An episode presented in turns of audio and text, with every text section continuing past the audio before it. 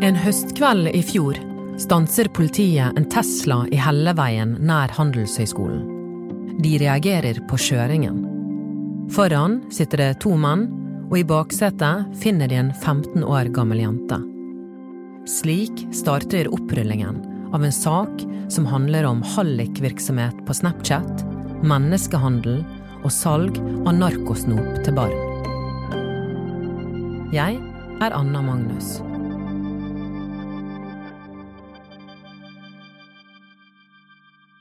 Hanad Mohammed Ali er krimjournalist i BT. Han har den siste tiden jobbet mye med kriminalitet på sosiale medier. Og han har fulgt denne saken. Han kommer inn eh, sammen med to politibetjenter. Han er ganske tynn, ser ikke så veldig mye opp og observerer folk rundt seg, ser ned, kommer i håndjern. Og håndjernet har blitt tatt av idet han skal sette seg ned på plassen sin. Ja, vær så god, ta plass. Han eh, har på seg kinnhansker inne i retten, eh, og eh, han har en sånn sidecut hvor eh, håret går opp i en sånn piggsveis. Eh, gjør ikke så veldig mye ut av seg, er stille. Det er vel først på torsdagen, altså dagen etter den første rettsdagen, at han inntar tiltaleboksen og forklarer seg. Mannen har vært i kontakt med politiet over flere år. For fem år siden ble han siktet for overgrep mot barn. Han ble dømt og havnet i fengsel. Et par år senere er han en fri mann. Og høsten 2020 var han igjen i politiets søkelys. Og da var han ute og kjørte, en sivilpatrulje reagerte på kjøringen. De stanset han i trafikken og oppdaget at det satt en 15 år gammel jente i baksetet. De beslagla telefonen hans og fant i telefonen et notat med ni navn. Og blant de navnene så var denne jenten. Statsadvokat Benedikte Høgseth forteller BT at det var en tredje person som befant seg i bilen. Han var mannens sjåfør. Sjåføren har fortalt at han grisekjørte for å bevisst tiltrekke seg oppmerksomhet fra politiet. Han ville komme seg ut av miljøet til 25-åringen.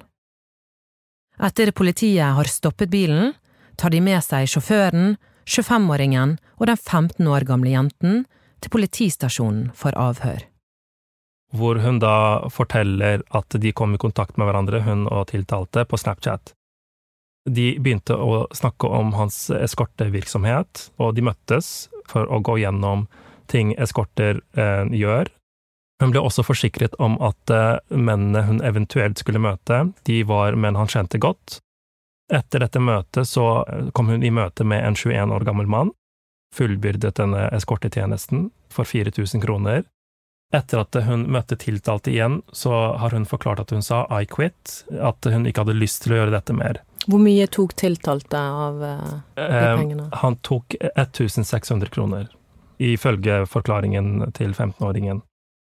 Under dette avhøret så er eh, jenten ganske forsiktig med å dele detaljer om denne kvelden hvor hun møtte 21-åringen. Hun sier at de møttes, men nektet for at det noe mer enn det egentlig skjedde. Hun sa at hun fikk kalde føtter og trakk seg. Etter avhøret gikk jenten og pratet med bistandsadvokaten sin. Hun ville tilbake til avhørsrommet. Hun hadde ikke fortalt alt. Hun sa at det var for flaut og skamfullt å snakke om, og derfor turte hun ikke å, å være åpen om det. Og det er jo slik denne etterforskningen av eskortevirksomheten til denne 25 år gamle mannen begynte. I tillegg til 15-åringen er to andre jenter fornærmet i saken. Alle tre ble involvert i mannen sin hallikvirksomhet. I tiltalen står det at mannen opprettet annonser på Snapchat for å komme i kontakt med kunder. Og så har han i disse annonsene brukt bilder av disse mindreårige jentene og lagt det ut offentlig, uten at det egentlig var eh, avklart med jenten fra før av. Så en av disse jentene forklarer jo at hun fikk panikk da hun oppdaget at et bilde hun hadde sendt, havnet offentlig ute på hans eh, konto, med en annonse til, hvor eh, han etterspurte både kunder og andre eskorter. Det er sånn han fikk disse mennene i møte med disse mindreårige jentene. Det er jo mange av disse jentene som har bakgrunn i barnevernstjenesten, eller som har opplevd traumer eller overgrep i oppveksten. Og statsadvokat Benedicte Høgseth hun spurte tiltalte hva tenker du om at mange av disse jentene som du er i kontakt med, har denne sårbare bakgrunnen. Og da svarte han at det er et valg de selv har tatt, og at det ikke er hans ansvar når det skjedde frivillig, uten eh, noe tvang. Alle de tre jentene var 15 år da dette skal ha foregått. Da politiet gikk gjennom Snapchat-kontoen til denne mannen, så så de annonser han hadde lagt ut, hvor det for eksempel sto 'Vi søker flere eskorter eh, som vil være en del av vår familie'. Og det var slik han beskrev eskortevirksomheten som en slags familie. Når han sier 'vi'? Det ble han spurt om i retten, for han skriver veldig mye 'vi' både på chat og disse Snapchat-bildene han legger ut. Og han øh, har jo også sagt at han har soldater som jobber for han, som han kan sende ut på folk. I retten sa han at dette bare var oppspinn, at det var hans forsøk til å bygge opp et slags image i det øh, kriminelle miljøet i Bergen, og at det ikke lå noe sannhet i det. Snapchat var et viktig verktøy for 25-åringen. På vennelisten hadde han over 1500 kontakter. Disse vennene rekrutterte han aktivt ikke bare til eskortetjenester, men til f.eks. ting som torpedovirksomhet, eller ting som kryptoegenskaper for de som hadde det. Han skrev også at de som vil være cross border mules, som betyr smuglere, de kan også markere seg. De kan markere seg ved å legge til en emoji ved siden av navnet sitt. Så eksempel hvis du har en pengeemoji ved siden av navnet ditt, så betyr det at du har kryptoegenskaper. Hvis du har et eh, hjerte ved siden av navnet ditt, så betyr det at du ønsker å være hans eskorte. Og hvis du har et knust hjerte, så vil du være med på et heist, altså et ran, for eh, tiltalte. Mannen er også tiltalt for å ha solgt narkotika. Litt som at vi er vant med at isbilen kommer om sommeren, kjørte 25-åringen en bil med høy musikk fra en høyttaler. Dette var for å varsle folk at han hadde hasjis til salgs. Kilder har fortalt at han spilte av musikken, slik at de riktige folkene skulle høre at han var i nabolaget for å selge. Hanad forteller at navnet til 25-åringen har dukket opp i flere av sakene han har fulgt. Å selge narkogodteri har mannen tjent gode penger på, forteller politiet. Det som går igjen blant f.eks. for eksempel ungdommer ulike rusmiljøer i Bergen, er at eh, han er kanskje en av de få dealerne i Bergen som ikke vegrer seg for å selge til barn, har de sagt. Og Politiet har også sagt at en mann som har solgt narkosnop, har på en måte rettet seg inn spesifikt mot ungdommer. Så det å selge narkotika i form av is og kjeks og cookies og snop, gjør jo at det kanskje blir enklere å selge til barn, og det kan kanskje forklare at han har tjent veldig mye penger på det. Han reiste mye, har han forklart, og det har folk rundt han også sagt. Eh, han hadde veldig mye penger, som kommer fram i politiets bevisførsel, hvor de viser fram meldinger han har sendt til venner, hvor han er litt satt ut av hvor mye penger han tjener på narkosnop, eksempel. Han sier at det er mental, at han hadde tjent 9000 eh, pund, som blir ca. 100 000 kroner, på narkosnop. 25-åringen er også tiltalt for grovt ran etter at en ung mann ble oppsøkt i sitt hjem i Åsane.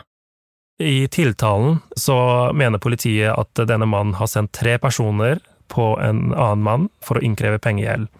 Og da har han, eh, denne mannen blitt truet med å få fingrene avklipt og å bli banket til han blir en grønnsak.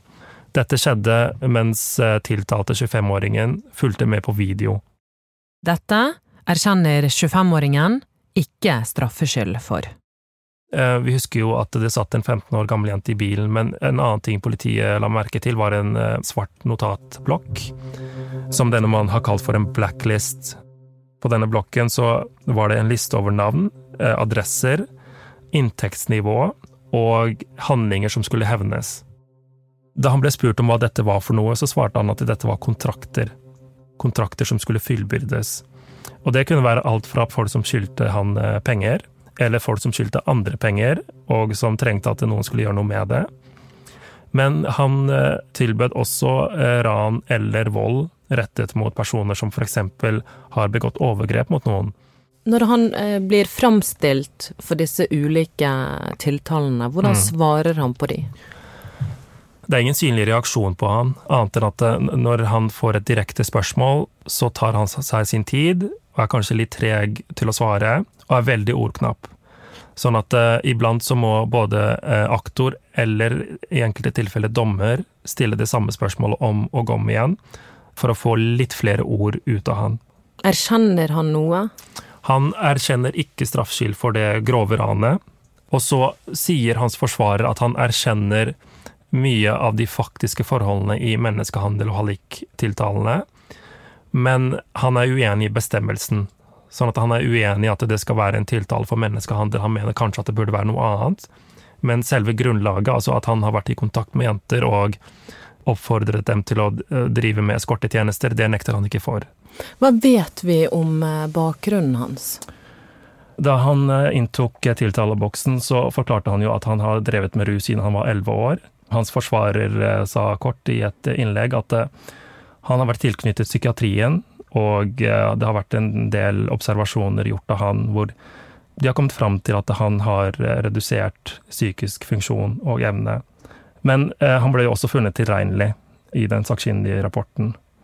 Og så har han jo eh, blitt tiltalt for å ha begått en form for kriminalitet som krever organisering og planlegging og evnen til å kontrollere og eh, veilede og, og være en slags lederfigur. Så det er jo en interessant kombinasjon. 25-åringen ble dømt på alle punkter. Han er dømt til fem års fengsel og må betale 150 000 kroner til jenten som ble utsatt for menneskehandel. Han må også betale 50 000 kroner til den andre jenten han forsøkte å rekruttere. Aktor ba om fengsel i seks og et halvt år for mannen. Dommen er enda ikke rettskraftig. Vi vet enda ikke om han eller aktor ønsker å anke. Hva mener du er spesielt med denne saken?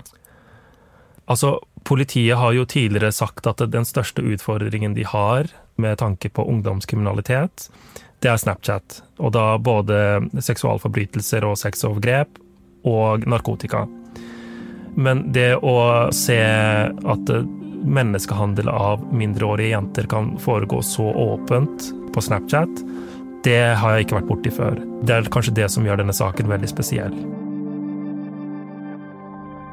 Denne episoden er laget av Anna Offstad, Arve Stigen og meg, Anna Magnus. Takk for at du hørte.